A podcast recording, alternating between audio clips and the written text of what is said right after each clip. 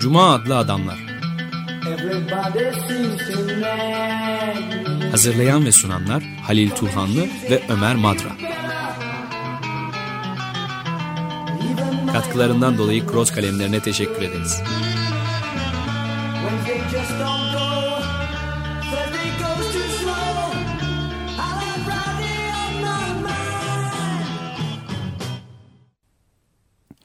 Merhaba Halil, hoş geldin. Teşekkürler. Bugünkü konumuz e, kamu. Bizim temel konu, temalarımızdan bir tanesi. Program başlamadan sen söyledin. Çok doğru da söyledin. Evet, Açık Radyo'nun da ana Evet. İlgi alanlarından biri. Çok yakından ilgili. Tartışma. E, ve kamu dediğimizde zaten e, çeşitli anlamları var aslında tarihsel gelişim içerisinde. Bugünkü anlamını biraz 17. yüzyılda kazanmış ama daha önce anlamları var. E, yurttaşlarla devlet arasındaki ilişkiyle ilgili ya da erk sahipleriyle ilgili. E, önce mahrem alanda ka- kamusal alanın e, ayrımında kullanılıyor. E, devlet mülkleriyle de ilişkili var. Yani başlangıçta böyle devletle toplum arasındaki bariz bir e, ayrım yok. Aslında o ayrım her zaman da aynı çok e, açık berrak bir şekilde de olmuyor. Fakat bugünkü kamu e, 17. yüzyılda doğuyor. Ticaret yapan sınıfın monarşi, monarşilerden kopması önce e, sadece ekonomik bir alan olarak doğuyor piyasa ama daha sonra da kamusal alan e, siyasallaşıyor. Kamu bugünkü anlamda biraz şey bir anlamı da bir şeyin izleyicisi olmak. Kamu yani siyasallaşmış kamu, siyasallaşmış kitle e, bir şey bir gazete okuru, bir radyonun da dinleyicisi de olabilir. Bir şeyi takip eden ama asıl bu kalabalığın, bu yığının, bu topluluğun özelliği bilgilenmesi ve kanaat bildirmesi eleştirmesi ve özellikle de hükümeti, devleti eleştirmesi. 17. yüzyıldan itibaren yavaş yavaş devletle toplum arasında bir e, ayrım e, başlıyor. Bu Habermas, e, kamu dediğimizde, kamusal alan dediğimizde hemen ilk akla gelen isim Habermas. Haklı olarak o geliyor. Fakat Ka- Habermas'ın kamu sal alan konusunda çok yazmış, çok tartışmış olmasına karşın onun kamu kavramında biraz sorun var. Birkaç sorun var. Yani bu kavramı ilk ortaya çok işlemesine rağmen özellikle feministler eleştiriyorlar. Onun en büyük eleştiri kamusal alanın burjuvazinin kamusal alanı. Burjuva Evet. kamusal alanı olarak. Kitabın yazarı şimdi az sonra kimliğini, kitabın kimliği, künyesini de vereceğiz. E, aydınlanmanın kamusal alanı demeyi tercih ediyor. Çünkü bugünkü anlamda kamusal alanın ve kamunun oluşumunda sadece bir, bir sınıf etkili değil. Burjuvazi değil.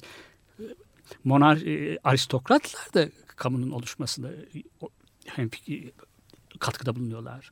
Özellikle salonlar. Yani e, saraydan çıkan, saray kültürünün içerisinde oluşan ama aristokrasinin içerisinde oluşan bir gelenek, salon. E, orada toplanmak, e, bir- özellikle salonlarda kadının etrafında toplanıyorlar. Salon sahibinin, burada kadının o kültürün içerisinde ayrıcalıklı bir yeri de oluyor aslında.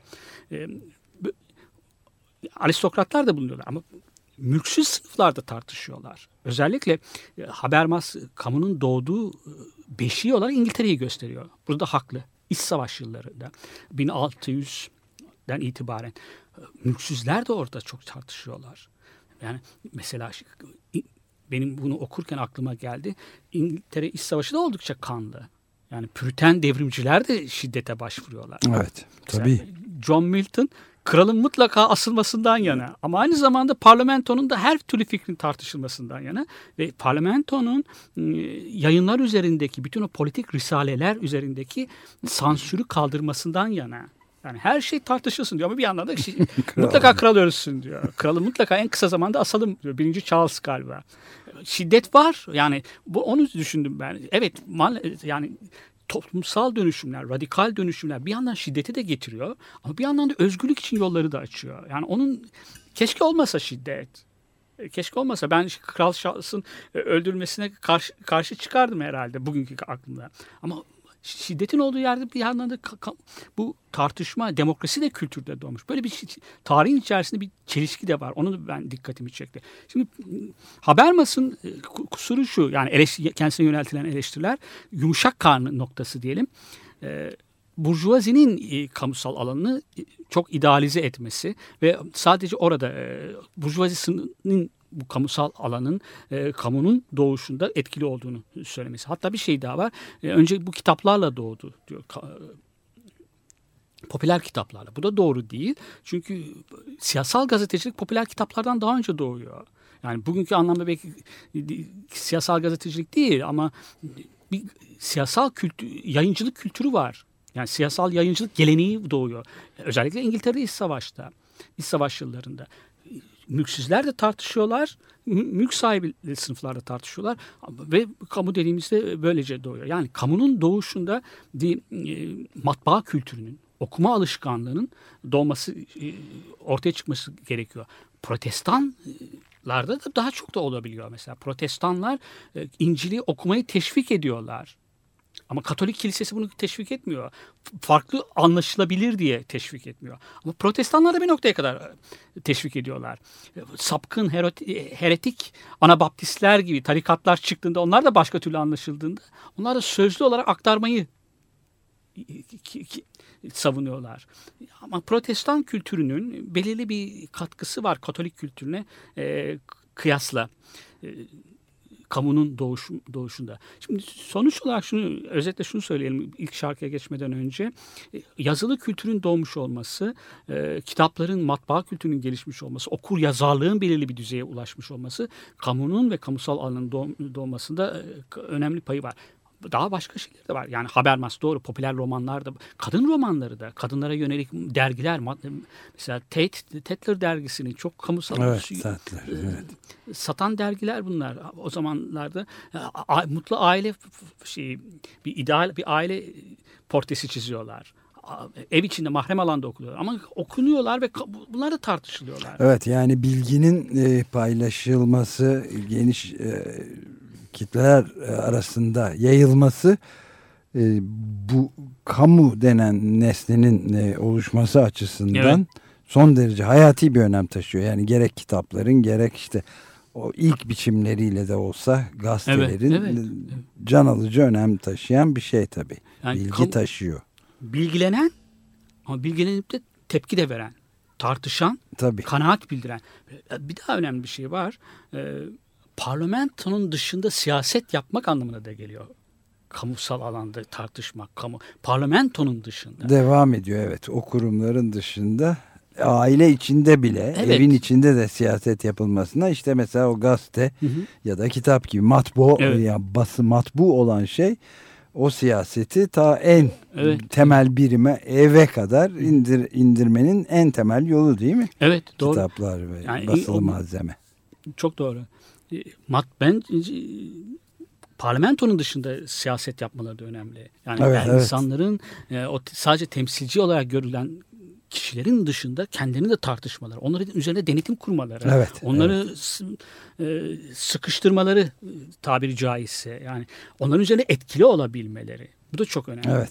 Kamu o- öyle bir şey. Ama en önemli şey e, o yazı, siyasal gazeteciliğin çıkmış olması ve politik risalelerin yazılması, insanların dilekçe vermeye başlamaları. Yani parlamentoya, yetkili kurumlara dilekçe vermeleri insan. Bir de tabii okur okurun doğması önemli. Okur okur yazar değil.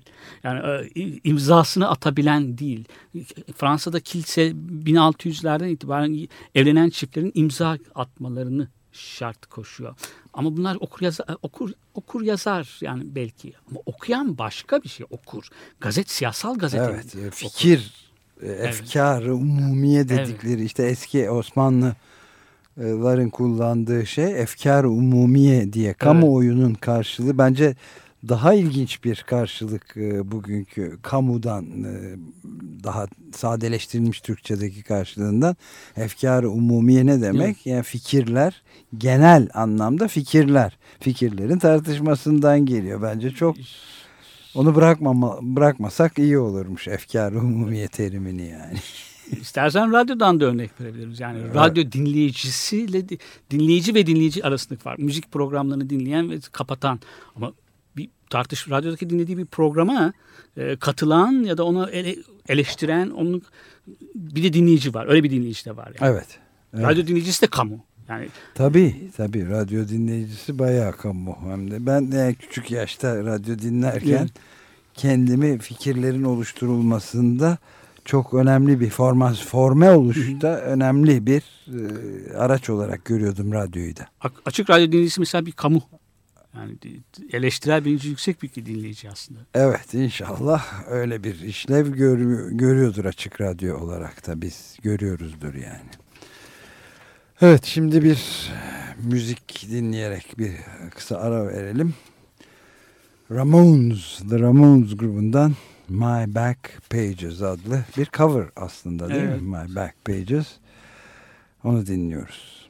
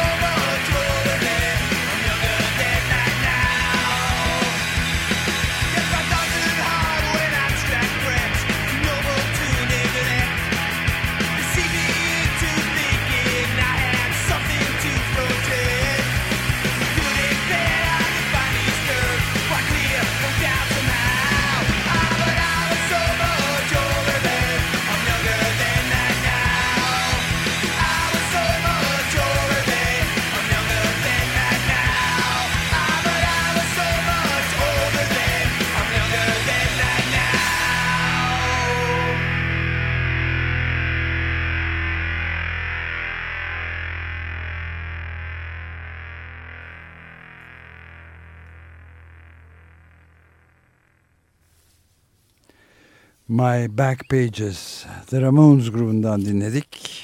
Burası Açık Radyo. 94.9 Cuma Adlı Adamlar programındasınız. Halil Turhanlı ile bendeniz Ömer Madra. Kamuoyu, daha doğrusu Aydınlanma Avrupa'sında Kamunun Yükselişi adlı bir kitaptan, kitaba esas alarak kamu meselesi nedir, nerelere kadar uzanır ve demokrasiyle ilişkisi nedir? Bu konunun üzerinde biraz fikir ortaya koymaya, tartışmaya çalışıyoruz.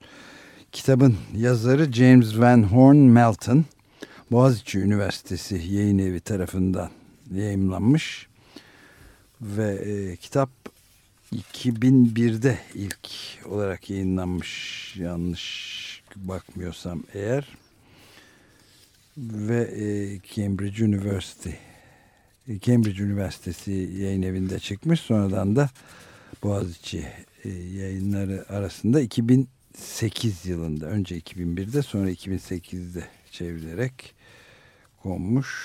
Çeviren de Türkçe'ye çeviren Ferit Burak Aydar. Aydınlanma Avrupa'sında kamunun yükselişi. Bu kitabı esas alarak buradan kalkarak çok daha her zaman olduğu gibi demokrasinin kuruluşuna, genişletilmesine giden yolu e, kat etmeye çalışıyoruz bir yerinden. Kamu denildiğinde zaten bir muhalefeti e, ifade ediyor. Muhalefetin iç, içkin olduğu bir topluluk. Evet. Bu böyle bir tanımı var. Habermas'ın bu tanımı doğru. Bak Habermas'ın e, az önce de belirttim kendi yani çok yaygın olarak kendisine yöneltilen bir eleştiri burjuvazinin kamusal alanını idealize etmesi. Zaten kitabın yazarı da daha geniş sadece burjuvazinin değil kamusal alanın ya kamunun doluşunda aristokrasinin ve mülksüz sınıfların da katkısı olduğunu belirterek aydınlanmanın kamusal alanı olarak düzeltiyor onu. Ya da kendi öyle daha geniş, daha kapsayıcı bir kavram sözcük olarak onu kullanmayı tercih ediyor. Şimdi doğru. Yani az önce de belirttik. E, salonlarda da doğru. Saray kültürünün içerisinde de bir kamu var. Aynı zamanda İngiltere'deki örneğinde gördüğümüz İngiltere İç Savaşı'da e, başka bir kamusal alan var. Mülksüzler, pek çok e, küçük tarikatlar, küçük e, heretik gruplar, marjinal politik gruplar, e, meyhanelerde sosyal sosyalleşme alanları aynı zamanda tartışma alanları, kulüpler, ok, kitap okuma kulüpleri. E, daha sonraki sol kültürün, sosyalist kültürün gelişmesinde çok önemli bir yeri var. E, Chartist hareketin içerisinde o işte, kitap okuma kulüplerinin. E, paplar meyhaneler. insanlar tartışıyorlar, bazen masaya vuruyorlar, kavga ediyorlar. Hatta bazen bıçak çekiyorlar birbirlerine. Ama orada bir politik tartışma da var. Risalelerin oralarda doğuyor tartış şeylerde, paplardaki meyhanelerde. Bu kafeler, e, bütün bunlar e, kamusal alan, e, kamu tartış, kam, tartışan kalabalığın doğduğu yerler. Yani sadece meydanlar ve sokaklar değil, şehrin boş mekanları. Her pek çok sosyalleşme mekanları. Bunlar e, burjuva kültürünün evet orada bir büyük katkısı var. Burjuva kültürünün etkisiyle, şehirlerin yeniden düzenlenmesiyle bu tür sosyalleşme mekanları çoğalıyor. Ama aynı zamanda mülksüzler de kendilerine mekanlar yaratıyorlar. Ve e, Habermas'ın bu sınırlı Habermas çok kucaklayıcı olduğunu söylüyor kamusal alanın. Yani herkes burada statü farkı olmaksızın tartışabiliyorlardı diyor. Pek o kadar doğru evet, değil. Mesela, yani bunun sınırları var bu evet. şeyin doğrusu. Bu ibarenin bu anlayışın burjuvazinin girdiği yerlere bazen giremiyor mülksüz sınıflar. Oralarda. Başta evet yoksullar, ikincisi de kadınlar tabii. Evet, özellikle kadınlar. Yani kadın toplumsal cinsiyeti zaten dikkate almamış olması, yeterince ona dikkat etmemesi, o konuda e, duyarlı davranmaması çok kendisini eleştirildiği bir yerdir. Bir de aile, Burjuva ailesinin e, orta çağdaki aileden farklı olarak artık üretim yapan bir birim olmaktan çıktığını, mahremiyet alanı olduğunu, sevgi ve kucaklamanın, e, kuşatıcı, kucaklayıcı bir sevginin olduğu bir alan, özel alan olarak görüyor. E, bu, Habermas ve orada da idealize etmiş oluyor burjuva yaşamını. Aslında erkeğin hala tahakkümü var. Yani orta çağ toplumunda ailesinde olduğu gibi Burjuva ailesinde de var. Sevgi evet öyle bir görüntüsü var, görüntüsü var ama bunun arka bir arka yüzü de var. Dolayısıyla bu, bu yönlerden eleştiriliyor. Ona alternatif olarak da çok başka kavramlar ortaya çıkmıştır mesela. Karşı kamus, kamusal alan. Habermas şey diyor, rasyonel konuşulduğun yer. E, pek herkes rasyonel konuşmayabilir. Yani şizofrenleri dışlamış oluyorsun bu alanda. Yani herkes rasyonel olmak tam da şeyin eleştirdikleri yer işte. E, Adorno ve Horkheimer'in. Evet. Aklın tutulmasından akıl tut aydınlanmaya çok bağlı aydınlanmanın eleştirel bir kültür getirmiştir. Bu tıkanmıştır bir yerde ama tekrar bu e, niteliğini kazanabilir. Tam tükenmemiştir aydınlık. Burada imsel bir bakışı var Habermas'ın ama Adorno ve Horkheimer'in tam aksine. Aydınlanma, evet, onlar, onlar karamsar. Karamsarlığın doğruğundalar evet. yani. Evet. Haksız da sayılmazlar. Çünkü Holocaust'u yaşamışlar. Evet. Oradan Habermas da o şey Alman romantizme karşı çok kuşkucu bir şey vardır. Kabul etmez. Ama Burjuva 17. yüzyıldan itibaren biçimlenen yani o kamusal alanında evet biraz e, fazla idealize ettiği söylenebilir haber mesela. Yani ona özellikle feministlerin yönelttiği eleştiriler. Bir tanesi e, Türkçe'ye maalesef çevrilmedi ama kısmen çevrilmiş kamusal alan konusunda bir hmm, e, kitap Hil yayınlarını çıkarmış olduğu bir de, yapmış olduğu bir derlemede yer almıştı. Oscar Necht ile e, Alexander Kluge'nin e, Proleter Kamusal Alan Hmm. Bir çalışmalarından bir bölüm orada yayınlandı. O çok önemli bir çalışmadır aslında. E, bu e, şeye de e, ya az önce künyesini verdiğin kitapta da bizim de tartışma çıkış noktası aldığımız kitapta e, aydınlanmanın kamusal alanın, kamusal alanın oluşumundaki katkısından dolayı öyle demeyi. Hmm. Doğru aydınlanma kültürü içerisinde doğru. Ansiklopedistlerin çok büyük etkisi var kamusal alanın. Yani okur insan okur kitlesini teşvik ediyorlar. E, matbaanın çıkardığı e, basılan kitapların okura ulaşması çok önemli okuma alışkanlığını yaratıyor. Yarat, evet. O, o çok çok evet. önemli. Yani kamu, kamu dediğimiz tartışan e, kanaat bildiren bir kitlenin doğmuş olması için. Bütün bunlar e, e, kamusal alanın tarih, evet tarihsel olarak burjuvazinin çok etkisi var ama sadece burjuvaziyle ilgili e, yeter, e, sınırlı Evet, değil. yeterli olmaz bu tanım yani. Bir de şeyi söyleyeceğim. Demin de de- değindik. Protestan e, reformu e, okumayı biraz daha teşvik ediyor. Yani Katolik kilisesine oranda. E, en azından bir dönem öyle teşvik ediyor. E, İngiltere'de de. Fakat o da e, reform daha sonra o- pek çok tarikatlar e, reform reformcuların verdikleri sözleri yerine getirmediklerini ileri sürüyorlar. Bu sefer reformda reform. Evet, Reformda reformu reform reform talebi var. etmek yani. Onlar okumayı Biz teşvik de. ediyorlar. Yani kutsal metinleri okuyalım. Ama Birilerinin tekelinde kalmasın ve biz farklı anlayalım. Bunlar da oku, Avrupa'da yaygın bir okur kitlesinin oluşmasına, popüler romanlardan tutalım da e, kutsal metinlerin, İncil'in, e, İncil hepsinin okunmasında e, kamunun oluşmasına katkıları var. evet çok e, can alıcı bir konudan bahsediyoruz. Devam edeceğiz şimdi ama arada bir müzik daha dinleyelim. Steve Win'den bu da bir filmin de müzik film müziği de oldu galiba. Yani bir filmin Walk on the Wild Side. Lou Reed'in Lou Reed'in de Evet. evet. Bu aynı adlı da bir film. Evet, Vardı. aynı adlı film var. Otto Preminger'in galiba. Evet, evet aynen öyle. Ee, Steve Wynn seslendiriyor. Bu şeyin de Fakat filmin müziği değil sanıyorum. filmin Şey- müziği değil evet. Andy Warhol'un çevresindeki e, Louis- o çevreyle ilgili yani. Evet. Fabrika, fa- factory çevresindeki çevresini o anlatan tiplerle Lou Reed'in evet Walk on the Wild Side şarkısının bir cover'ı diyelim yorumu.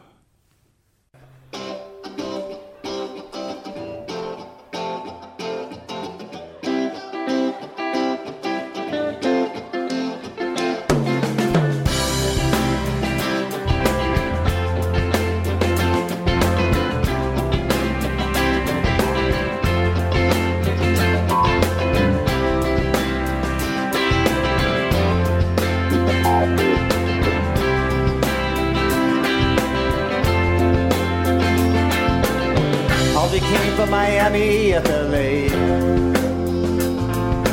Hitchhiked west across the USA. Upped her eyebrows on the way. Shaved her legs and then heaved the she Said, hey baby, take a walk on the wild side. Said, hey baby, take a walk on the wild side.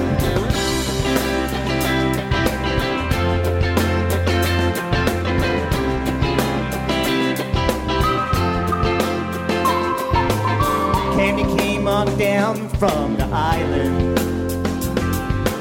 In the back room, she was everybody's darling. But she never lost her head, even when she was giving head. Said, hey baby, take a walk on the wild side. Said, hey baby, take a walk on the wild side. And the color girls go, do, do, do, do, do, do, do, do, do, do, do. Now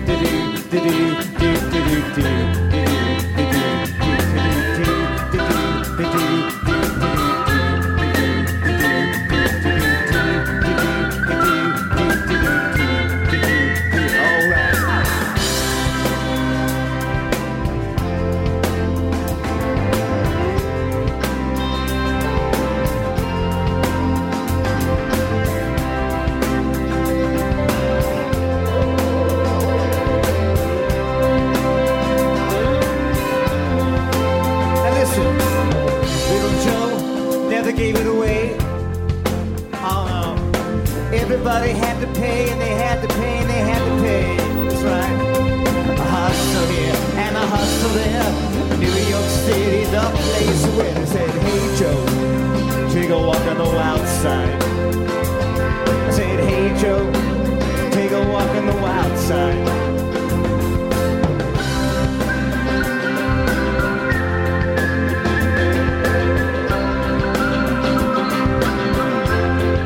this. Sugar Plum Fairy came and hit the streets. He was looking for soul food and a place to eat. Oh Lord, he went to the Apollo. He should have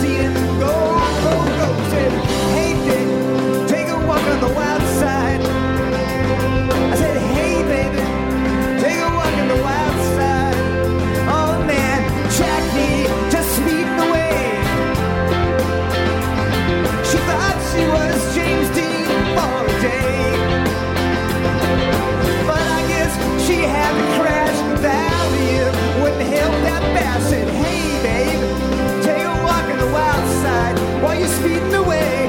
Hey babe, take a walk on the wild side. And the color girls go, do do do do do do do do do do do do do. Let me hear you. Do do do do do do do do do do do.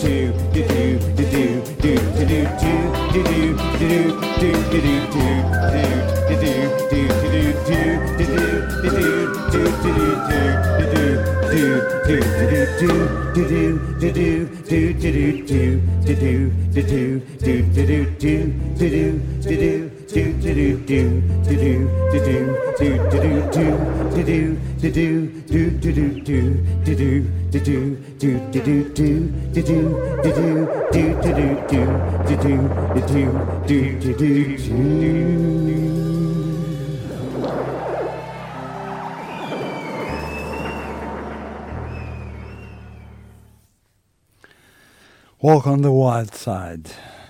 Steve Wynn'den dinledik ve devam ettik. 94.9 Açık Radyo burası. AçıkRadyo.com.tr'den de yayın yapıyoruz. Ve Cuma Adlı Adamlar programı devam ediyor.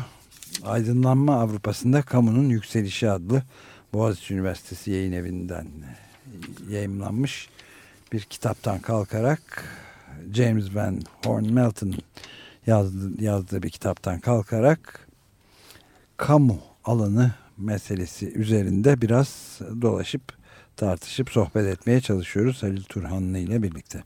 Evet, kamunun e, özelliklerinden bahsettik. Bir tanesi parlamento dışında siyaset yapmak anlamına geliyor. Siyasetin halk arasında demosun halkın siyaset yapması. Evet. Bu Hannah Arendt'in de çok üzerinde durduğu bir şeydir. Hı hı. İnsanın belirleyici özelliği, üretim yapması falan birçok tanımları var insanın. Ee, ekonomiktir, üretkendir ama politik bir hayvandır. Ona çok bağlı. Politikada insanın daha iyi bir hayat kurması, bunun içinde tartışması, bunun sadece seçilmişlerle, seçilenlerle, temsil edenlerle, temsilcilerle sınırlı olmaması aslında hmm. kamu. Hmm. Politik kültürün toplumun içerisine yaygınlaşması, herkesin gele, kendi geleceği e, ve toplumun geleceği içinde yaşadığı toplumun geleceği konusunda tartışması demek, fikir beyan etmesi demek. E bu da demokrasinin evet. ta kendisi. Yani kendini kendi kaderini bireyler gerek birey olarak gerekse de birey toplulukları ve toplum olarak nereye götürüleceğini kaderin kendisini belirleyen faktörün kendisi olması. Bunun için de ne gerekiyorsa o demokrasi anlamında yapılması. Demokrasinin meselesi. koşulu aslında. Koşulu, var var ol, koşulu, evet. bir kamunun var, var olması. Aynen öyle. Bir de demokrasi insan malzemesi. Malzeme olarak kullanmak sözü pek hoş olmamakla birlikte yani insan malzemesini kamu oluşturuyor. Kolektif o topluluk, kanaat bildiren, eleştiren o topluluk oluşturuyor. Şimdi okur yazarlığın, matbaanın bulunmasının e, çok önemli olduğunu söylemiştik. Siyasal gazeteciliğin doğmasının. E, bir de tabii kentleşme çok önemli. Yani kırsal alandaki kişilerle e, kentle, e, kentleşe, e, kentte yaşayan insanların basılı kültüre, yazılı kültüre ulaşmaları, kitaplara ulaşmaları aynı şeyler değil. Aynı olanaklar değil. Aslında yazılı kültürün doğması da ki, kentleşmeyle ilgili birbirine koşut olarak gelişen e, bir, bir, paralel bir gelişme var orada. E, bir de kentlerde kitaplar oraya çıktığında herkesin ulaşabileceği kadar e, bayağı Yaygın pahalıymış. değil, tabii, Daha pahalı, pahalı pahalıymış kitaplar. İncil basılmış İncil olan İncil. Herkesin evinde yok. Ama ucuz ki in- herkesin evinde, evinde bulunabilsin, yastığının altında bir tane bulunabilsin diye ucuza basılıyor. Ama o dahi Evet, herkes e, maliyeti gözden- yüksek evet. yani. Ama ki- bu insanlar okuma e, seven insanlar, tartışmayı seven insanlar. Evet. Ee, ki Avrupa'nın da böyle bir Avrupa'da insanın böyle bir şeyi de var hakikaten. Ee, kütü- kitap kulüpleri kuruyorlar. Kütüphaneler, e, büyük kütü- ödünç veren kütüphanelerin oluşma, e, kurulması çok daha sonra. Kitap kulüplerinden önceleri insanlar şey yapıyor. Hatta toplu ot- oturup, oturup bir kişi e, o- yüksek sesle okumanın Ee, Okuma dahi seansları değil mi? Evet. e, kamunun oluşmasında şeyi var, katkısı var. Yani yüksek sesle okuma. Evet, o kitap kulüpleri e, de- değişik sınıflar. Yani ki- kitaba kolayca e, ulaşamayan sınıfların da e, kitaplardan faydalanmalarını sağlıyor. Demin de söyledik özellikle çalışan sınıfların, işçi sınıflarının, mülksüzlerin. Evet şartları. bu anlamda yani yüksek sesle okuma seansları deyince o e, Fransız e, salonlarından da bahsetmemek ya akla o da geliyor işte. Özellikle Madame de Stael gibi Evet. e, kamu aydını mı diyeceğiz o insanlara bilmiyorum ama yüksek sesle okuma seanslarının ve fikir teatilerinin yapıldığı hatta mesela Madame de Stael'in e, en meşhurlarından biri o kendisi E, ve hakikati e, bulmak için ancak medyaya ihtiyacınız vardır gibi bir sözü var. Çok önemli yani. Çok güzel bir yere, bir yere bastın. Yani Evet. Bana da hatırlattığın bir şey. Kadın okuyan kadınların kimisi popüler kültürden de beslenen kadınların mektup yazma alışkanlıkları. Evet mektup ba- Birbirine- başlı başına bir edebiyat Evet. dalı. Hem bir edebiyat hem de kadınlar arasında bir kamu.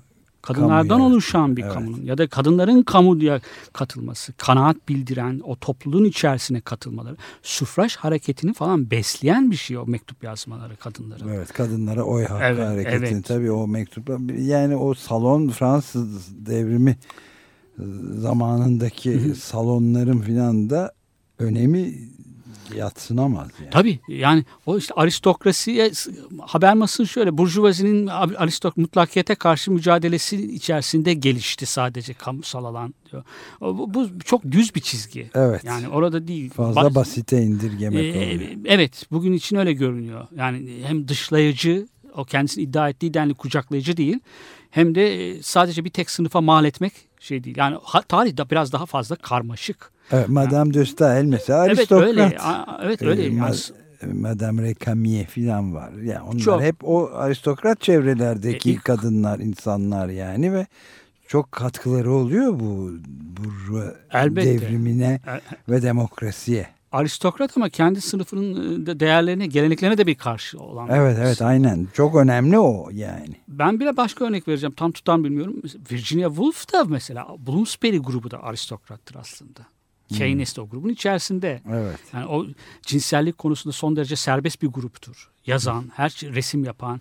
E, gerçi ama onlar yaşadıkları dönemin e, iki savaş arasındaki İngiltere'de e, o toplumu da etkilemişlerdir. Yani ki o toplumdan ayrı bir adaymış gibi görünmekle birlikte o Bloomsbury topluluğu e, toplum üzerinde etkisi vardır. Sadece bir aristokrat, a- aydın, entelektüel, aşırı entelektüel, hiper entelektüel, e, ultra entelektüel bir grup olarak kalmamıştır. evet. Bir fil dişi kule içinde Ah, kendi evet, aralarında tartışan bir e, küçücük grup, çekirdek grup değil. Hiç şüphesiz ki çok daha geniş etkileri olmuş. Evet.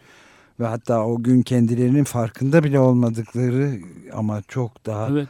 beklediklerinin ötesinde yerlere ulaşmış oldukları, etkilerinin ulaşmış olduğu söylenebilir belki o gruplar Evet, için. yani- o grup, Bloomsbury grubu mesela. Evet, kadınlar arasında hem böyle bir arist- aristokrat kökenden gelen kadınların yarattıkları, yaptıkları bir katkı var. Ama aynı zamanda daha popüler e, kadın dergilerinin, romanlarının, e, orta sı- onları da okuyanlar orta sınıf kadınları sonuçta. Evet, evet. Onların yaptıkları bir e, okuyarak yaptıkları bir katkı yani katılımları kanaat bildiren o topluluğa katılmaları söz konusu. İşte Tabii maddi durumun yani zenginliklerin e, kitaba okumak, okur yazar olmakta o kitaba, kültüre ulaşmakta da çok önemli bir katkısı var. Yani kentli belirli bir zenginliğe ulaşmış, belirli bir varlık düzeyine ulaşmış insanlar ancak basılı kültüre ulaşabiliyorlar. Ama onların ulaş, ulaşmaları daha kolay. Ama yoksul kesimlerde yani e, özellikle dönüp dolaşıp aynı şeyi veriyorum ama hep e, Christopher Hill gibi, E.P. Thompson gibi o dipten gelen tarihi yazan İngiliz tarihçilerinin Pelep e, Peleplerin yarattığı kültürün e, yazmış olanlar, onları tanıtmış olan o tarihçilerin bize öğrettikleri bir şey de var. O sınıflar da tartışıyorlar. Yani risaleler yazıyorlar. O sınıflarını bir Rancière'in de söylediği gibi proleterlerin gecesinde gündüz e, çalışıp gecede şiir yazan şeyler varmış. E, bir işçi sınıfı var. Bu da bir idealize edilmiş değil. Bunu hem aynı zamanda parantez içinde işçi sınıfının kendi, başkalarına ihtiyacı olmadığını Kendisinin dışındaki sınıflara ihtiyacı yok. Kendi evet. kültürünü de yaratabiliyor onlarda. Muhalif bir kültür, okur yazar, kanaatini bildiren.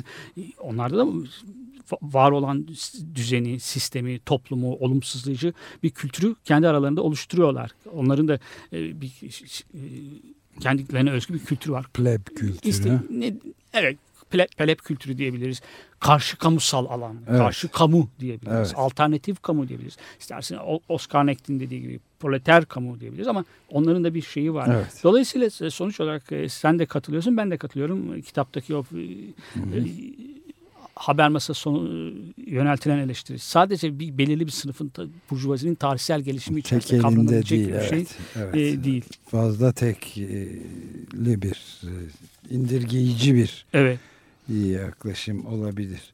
Peki ben bu arada bir de ufak bir şey daha Tabii. sormak istiyorum bir konuyu tartışmaya açmak. Yani kamu entelektüeli diye adlandırılan bir kavram var. Yani günümüzde özellikle Amerika'da ve Anglo-Amerikan kültüründe çok yeri geçen bir şey. Yani entelektüelin bir e, sınıf olarak kamu alanını genişletici böyle bir sorumluluğu olduğunu savunan ve eğer bunu yapmadığı sürece de ona e, sorumluluğunu yerine kendi hükümetini, karar vericilerini eleştirmediği ve işte bunun savaşkan ez, ezmeye, sömürmeye yönelik politik kararlarını e, eleştirmeyen, bunları kamuya yaymayan entelektüellerin de yeterli sorumluluğa sahip olmadığını söyleyen önemli bir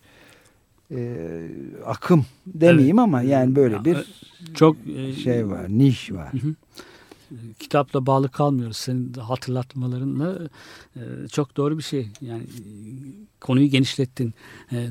Kamu entelektüeli herhalde sadece akademik çevrelerde sınırlı kalmayan söylediklerini kamuya yönelik olarak söyleyen ve kamuda da yankı bulan. Evet. Insan. Ve evet. bunu bulabilmesi için de mutlaka egemen e, kültüre, Söyleme. ideolojiye, rejime, söyleme karşı çıkan, diskura karşı evet. çıkan onu gereğince eleştiren insanlara evet. verilen bir tanım ki çok tabii örnekleri Chomsky mesela.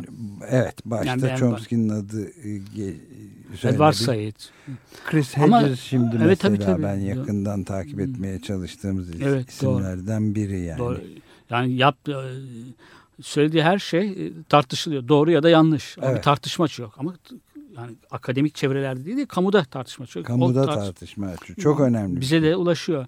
Ee, bu aslında biraz galiba John Dewey ile falan başlayan bir şey. Aynen öyle. Yani birinci örneği benim kanaatimde evet. John Dewey'dir yani. Ee, John Dewey e, demokrasi kültürünün bir parçası olarak görüyor zaten. Yani aydının kamuya yönelik olmasını, söyleminin kamuyla e, muhatap olmasını, muhatap olarak kamuya almasını. O çok önemli. E, yaptıkları pek çok gazetelerde de yazılar yazmış birisi. E, John Dewey. E, pek çok konuda yazmış ve kamuyu önemseyen birisi. Yani kamunun tartışan bir topluluğun e, demokrasinin olmazsa olmazı sayan bir kimse. Ve evet o kamu entelektüellerin de bu, bu kamunun ve demokrasinin olmazsa olmazı sayıyor. Öbürlerini ihanet etmiş sayıyorlar zaten. Evet. Gerek Chomsky gerekse Dewey'de bu literati evet.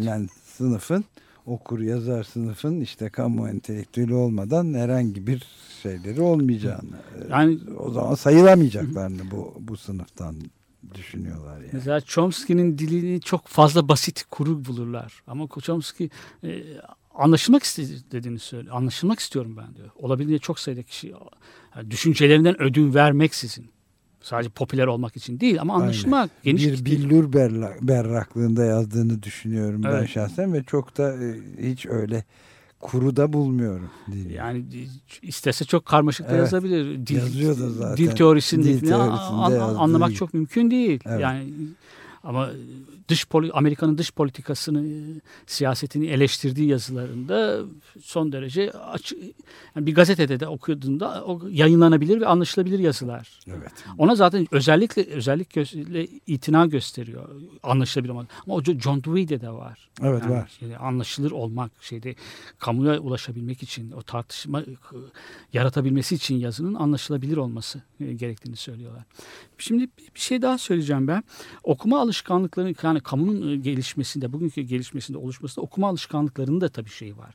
Sadece insanlar e, başlangıçta sadece dini kitaplar okuyorlar. Yani kitabı mukaddesi okuyorlar. Evet. Daha sonra bir de Latinceden yerel dillere geçişinde önemi var tabii. Yani okur yazar kitlesinin kitapların okuması, okunan kitap sayısının çoğalması, kitapların satın alınmasının çoğalması, artması hep onun öyle değişiklikleri de e, beraberinde getiriyor. O değişikliklere de bağlı. Matbaa kültürünün gelişmesinin, matbaa kültürü yazılı kültürün e, çoğalması, yaygınlaşmasından söz ediyoruz. 18. yüzyıl başlarından itibaren daha da hızlanıyor. Bu 17. yüzyılda başlayan ama 18. yüzyıldan itibaren Latincenin terk edilmesi, yavaş yavaş terk edilmesi, yerel dillere geçilmesi, kitabı mukaddesin dışında diğer romanların geçilmesi, kahramanlık öykülerinin, bazen mitolojik öykülerinin, bazen e, şövalye öykülerinin ama evet. olsun basit kadın öykülerinin, kadınların aşk öykülerinin, şövalye aşklarının. O ama pikaresk roman denilen şeylerin. Mesela. Ama olsun. Evet tabii tabii. Al, okuma alışkanlığının getirmiş olması. Yani okur yazar, okur dediğimiz o kişiyi muazzam bir etkisi olmuş Onu, yaygınlığı yani böyle yeni bir silah gibi bir evet, şey aslında. Tabii, tabii kitap yani e, silahla eş tutulmaz ama Tutulma, bir, e, o anlamda söylemedim evet. tabii ama yani bir yeni bulunan bir silahın harp sanatını evet. tarihini değiştirmesi gibi kitabın da bütün bu düşünce alanını alt üst etmesi. Tabii, yani bir dinamit gibi oluyor. Dinamit gibi patlatması evet söz konusu. Zaten kitapları çok okunduğunda belki o, o dinamitlere de dev, gerek kalmadan yapılabilir devrimler. Yani. Evet. evet. Şimdi kitap bir de okuma biçimlerinden söz ettik demin. O yüksek sesli okumanın yaygınlaş bir yerin bir kişinin okuması. Kitap bir, bir tane kitap varsa yüksek sesli okuyorlar ve aslında e, sadece onlara da bağlı değil. Tartışma ortamı yarat, yaratabiliyor. Bir ortamda, bir forum gibi Evet. Kitap yüksek sesle okunması. Ama bir şey daha var. E, yoğun okumadan e, yaygın okumaya geçiyorlar. Bunu biraz açayım istersen. Hı hı. Kitabı Lütfen. kütüphanelerde en e, kitaba düşkün, kitap almaya bütçesi en müsait olan kişilerin e, kitaplıkları dahi bugünkü bizim kitap mütevazi bir kitaplıklarımızla ölçülemeyecek dahi ne kadar dar az. Küçük evet. 50 az. tane falan. Evet. Dönüp dolaşıp aynı kitapları okuyorlarmış. Yoğun okuma bu. Evet. Aynı kitabı okumak, defalarca okumak. 18. yüzyıldan itibaren yaygın okumaya geçiliyor. Yani kitap olabildiğince çok sayıda kitap okuyorsun. Aynı kitabı çok defalar değil, pek çok defalar değil ama çok sayıda kitap okumaya başlanıyor. Bu e, da e, aslında kamunun oluşmasında önemli bir şey. Kitaplar biraz daha ucuzluyor. Kitap, e, yoğun okuma pratiği kamunun evet, oluşması. Hiyerarşi ve eti, yani e, elitist bir e, durumun evet. da engellenmesine de e, yol açıyor tabii bu yaygınlaşması evet. diye de düşünülebilir tabii. Tabii. E, daha sonra da evet. okuma kulüpleri okuma kulüplerinin ardından da kütüphaneler. Kütüphaneler. Ama kütüphanelerle e, özel kütüphaneler arasında insanların evlerindeki bir rafta 50 tane 60 tane kitap bulundurmaları arasında oldukça uzun bir dönem de var aslında. Evet ve işte o ayrım e, senin şimdi söylediğin ayrım can alıcı bence önem taşıyor. Yani bu tartıştığımız konu açısından da kütüphaneler tam bir ortak alan. İşte herkesin evet, evet. ortak sahip olduğu ve olması gerektiği gibi sahip olduğu ortak alanların en güzel örneklerinden biri. Yani herkes okuyabiliyor. Evet. Herkes ulaşabiliyor kitap. Okuyor, iade ediyor. Başkaları da O acayip bir okuyor. kültür. değil mi? Muazzam bir paylaşım. Ve bu mesela beni en çok heyecanlandıran şeylerden biri Occupy Wall Street'in e, gibi işgal hareketlerinin ama en önemlisi Evet. tabii e, her yerde oldu ama Wall Street ana şeydi. Onun da ilk kurduğu e, kurumlardan biri kütüphaneydi orada.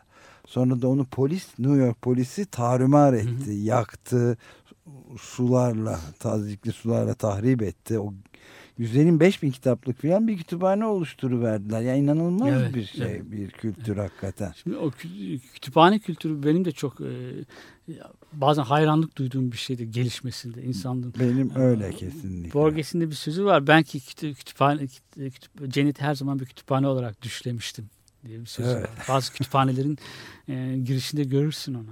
İngiltere'de e, savaştan sonra İşçi Partisi'nin, Sosyal Demokrat o zaman Keynesçi İşçi Partisi'nin, Blair'ci değil de Keynesçi bir İşçi Partisi'nin yaptığı en büyük iyiliklerden bir tanesi. Sosyal konutlar kurmak kadar önemli belki. Yani bedava sağlık ve e, eğitim hizmetlerinin vermenin yanı sıra onun tamamlayıcısı aslında kurmuş oldukları kütüphaneler. Muazzam da o kütüphaneler. Yani Evet, evet. Ve fakat bu her mes- gidişinde 80'lerden itibaren 90'larda artık bitti. bitti Thatcher onlara karşı resmen savaş açtı. Evet ve yani Amerika'da da tabii çok e, şey yani George W. Bush'un karısı da kütüphaneciydi mesela.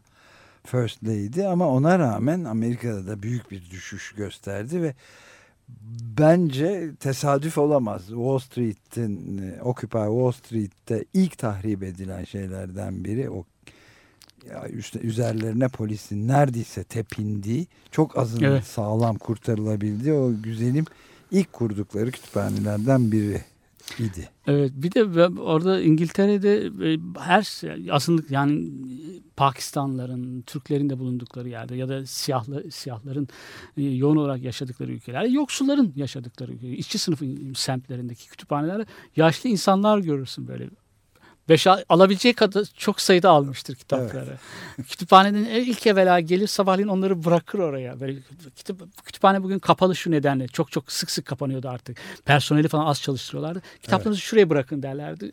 Yeni kitap alamamanın üzüntüsüyle bırakıp dönen insanlar görürsün, görürdüm böyle. Ok- okumak alışkanlığı da çok yaygındı aslında. Onu da alıştırmıştı. Bir şey aklıma geldi. Bir başka programda da söylemiştik. Keith Richards'ın bir son şeyi biyografisi yayınlandı. Ve- Gör- görmedim ben yani duydum ama görmedim. Kütüphane, okumadım. ben de okumadım. Kütüphane deyince aklıma geldi. Amerika'daki, e, New York'taki kütüphanede konukları e, oluyor zaman zaman. Bir iki defasında ben e, Dylan Thomas'ın kız kardeşi galiba. Akrabalarından birisi. Ona afişleri vardı orada. Konuşacak işte burada diye. Konukları oluyor. E, Video internette görebiliyorsun. Video, YouTube'da Richards'ı konuk etmişler kütüphaneye. Hmm. Bu yeni çıkan kütüphane kitabıyla ilgili olarak. Ama e, kitaplarla ilgili çok özel bir böl- bir bölümü varmış e, biyografide. Yani rock yıldızı olmasaydım kitap kütüphaneci olurdum ben. Kitapları çok seviyorum. Neden diyorlar o konuşmada. Bill Clinton'dan sonra en çok ilgi gören e, konuğumuz bu Keith Richards dedi. Takdim eden. Yani biletler bedava veriyorlar. 5 dakikada bitmiş herkes. Sıraya girmiş bu Keith Richards'ı görmek için. O da geldi oturdu. Orada YouTube'da görebiliyorsun. Ee, yani kitaplar benim için çok önemli. Kitap, kütüphane benim için çok önemli. İnsanı bana hatırlatıyordu. Savaştan çıkmış bir dünyada, yıkıntılar içindeki İngiltere'de e, yıkılmış, pek çok yakını kaybetmiş, günlerce bombardıman altında kalmış bir ülkede büyüyen bir insan olarak, gençliğini, çocukluğunu, gençliğini yaşayan bir insan olarak kütüphaneler bana insanların sadece yıkma, öldürme gibi alış huyları olmadığını ama okumak, Ters, evet. güzel şeyler yaratmak, güzel bir dünya Paylaşmak bir de değil mi? Çok yani güzel bir dünya yaratabilme gücü de olduğunu bana kamu, gösteriyor. kamusal kütüphanelerin e, aslında en bence te- terbiyevi diyebileceğim Evet, evet. tarafı bu paylaşıyorsun. İnsanı incele, incele, Evet. inceli yapan şey. çok incelten Evet. ve üstelik de o paylaşma, dayanışma yani hiç sessiz bir şekilde aman sus belki biraz da insanı irkiltecek kadar, e, ürkütecek Evet. kadar sessiz bir yer. Ama aynı zamanda da hakikaten o tasvire de biraz önce söylediğin benzetmeye de uygun şekilde cennet gibi Borges'in söylediği gibi hakikaten bir şeyi paylaşıyorsun. Düşün binlerce insanın milyonlarca insanın Evet. düşünmüş fikrin uçuştuğu bir yer. Evet. Çok ilginç yani. İşte İşçisi Partisi'nin e, yaptığı şeylerden bir tanesi, katkılardan biri. E, Kitçisi de onu anlıyor. Yani o Evet, çok haklı bence. Evet. Yani insanlığını hatırlatmak için o tarumar olmuş bomba V1 V2'lerle bombardımanlarla pe- tarumar olmuş, Evet. perişan olmuş Londra'da. Evet. Böyle bir şey. E, Benim de çok sevdiğim kütüphaneleri hep e, severim. Kendimi de kaybederim orada yani. Böyle çıkma saatini falan unuturum. Ben de Kütüphaneler, Işıklar söner, anonslar yapılır falan. Bir de aralarda çok gezmeyi seviyorum ben kütüphaneleri. Böyle kitaplara bakmayı. Raflar arasında. Bazen e, mem- e, kütüphanedeki sorumlular s- gelip sana yardımcı oluyorlar. Onların kitapları da çok iyi biliyorlar aslında. E, mesela büyük kitaplı sanat eserlerini aradığım bir yerde e, her şeyi bulabiliyorsun aslında Amerika'da. Her şeye rağmen var yani kütü- kütüphanelerde. E, benim de çok çok hoşuma giden bir yer. Kendimi unuttuğum bir yerdir yani kütüphaneler. Ama e, dediğim gibi sayıları da bazen azal, azalıyor giderek. Şimdi bir şey daha Evet. zamanımız sona ermek üzere. Evet. Bu dinsel Biraz bir dağıttık ama çok Evet, da önemli evet. bir yanı kamu alanının en önemli can alıcı yerlerinden biri kütüphane. Evet, doğru, doğrusu. doğru. Kütüphane. E, dins, e, bu dinsel kitapların, dinsel metinlerin okunması biraz da ibadete destek aslında. Yani çok e, muhalefet, bir, muhalif bir özneyi doğuracak bir okuma tarzı değil.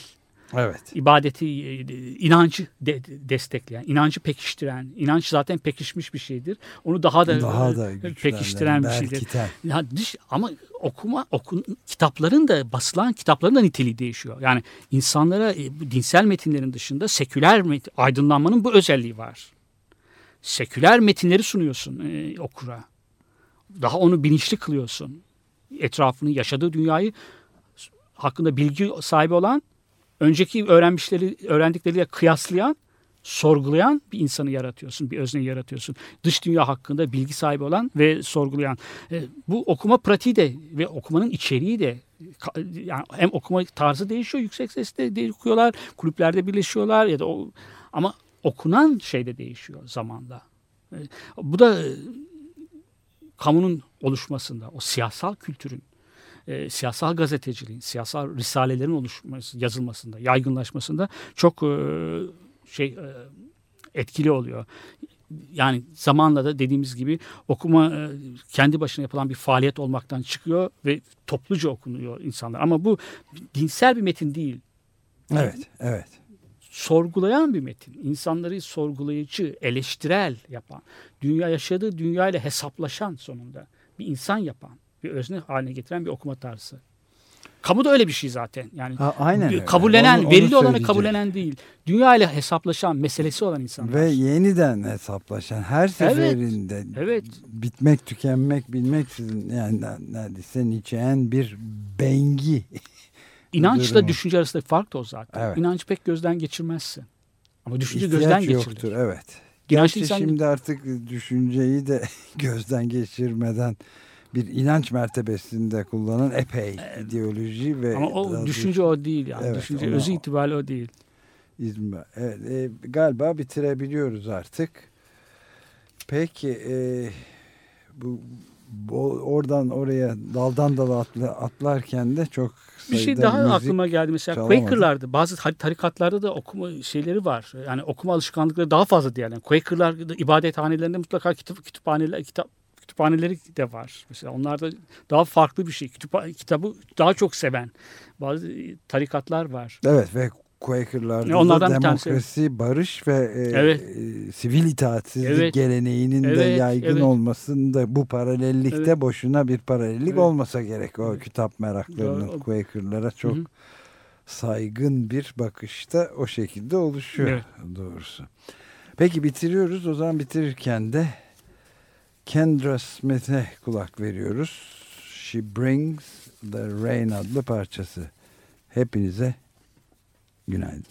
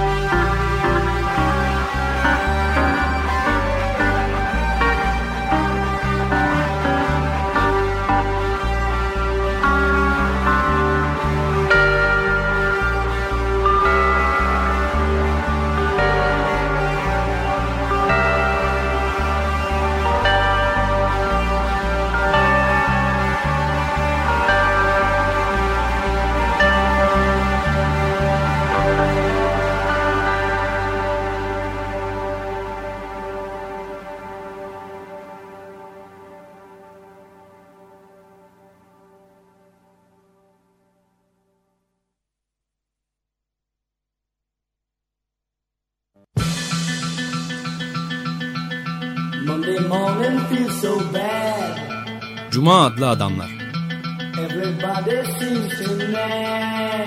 Hazırlayan ve sunanlar Halil Turhanlı ve Ömer Madra. Katkılarından dolayı Cross kalemlerine teşekkür ederiz.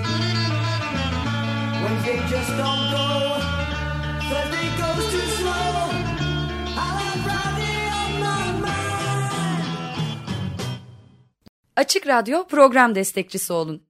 Bir veya daha fazla programa destek olmak için 212 alan koduyla 343 41 41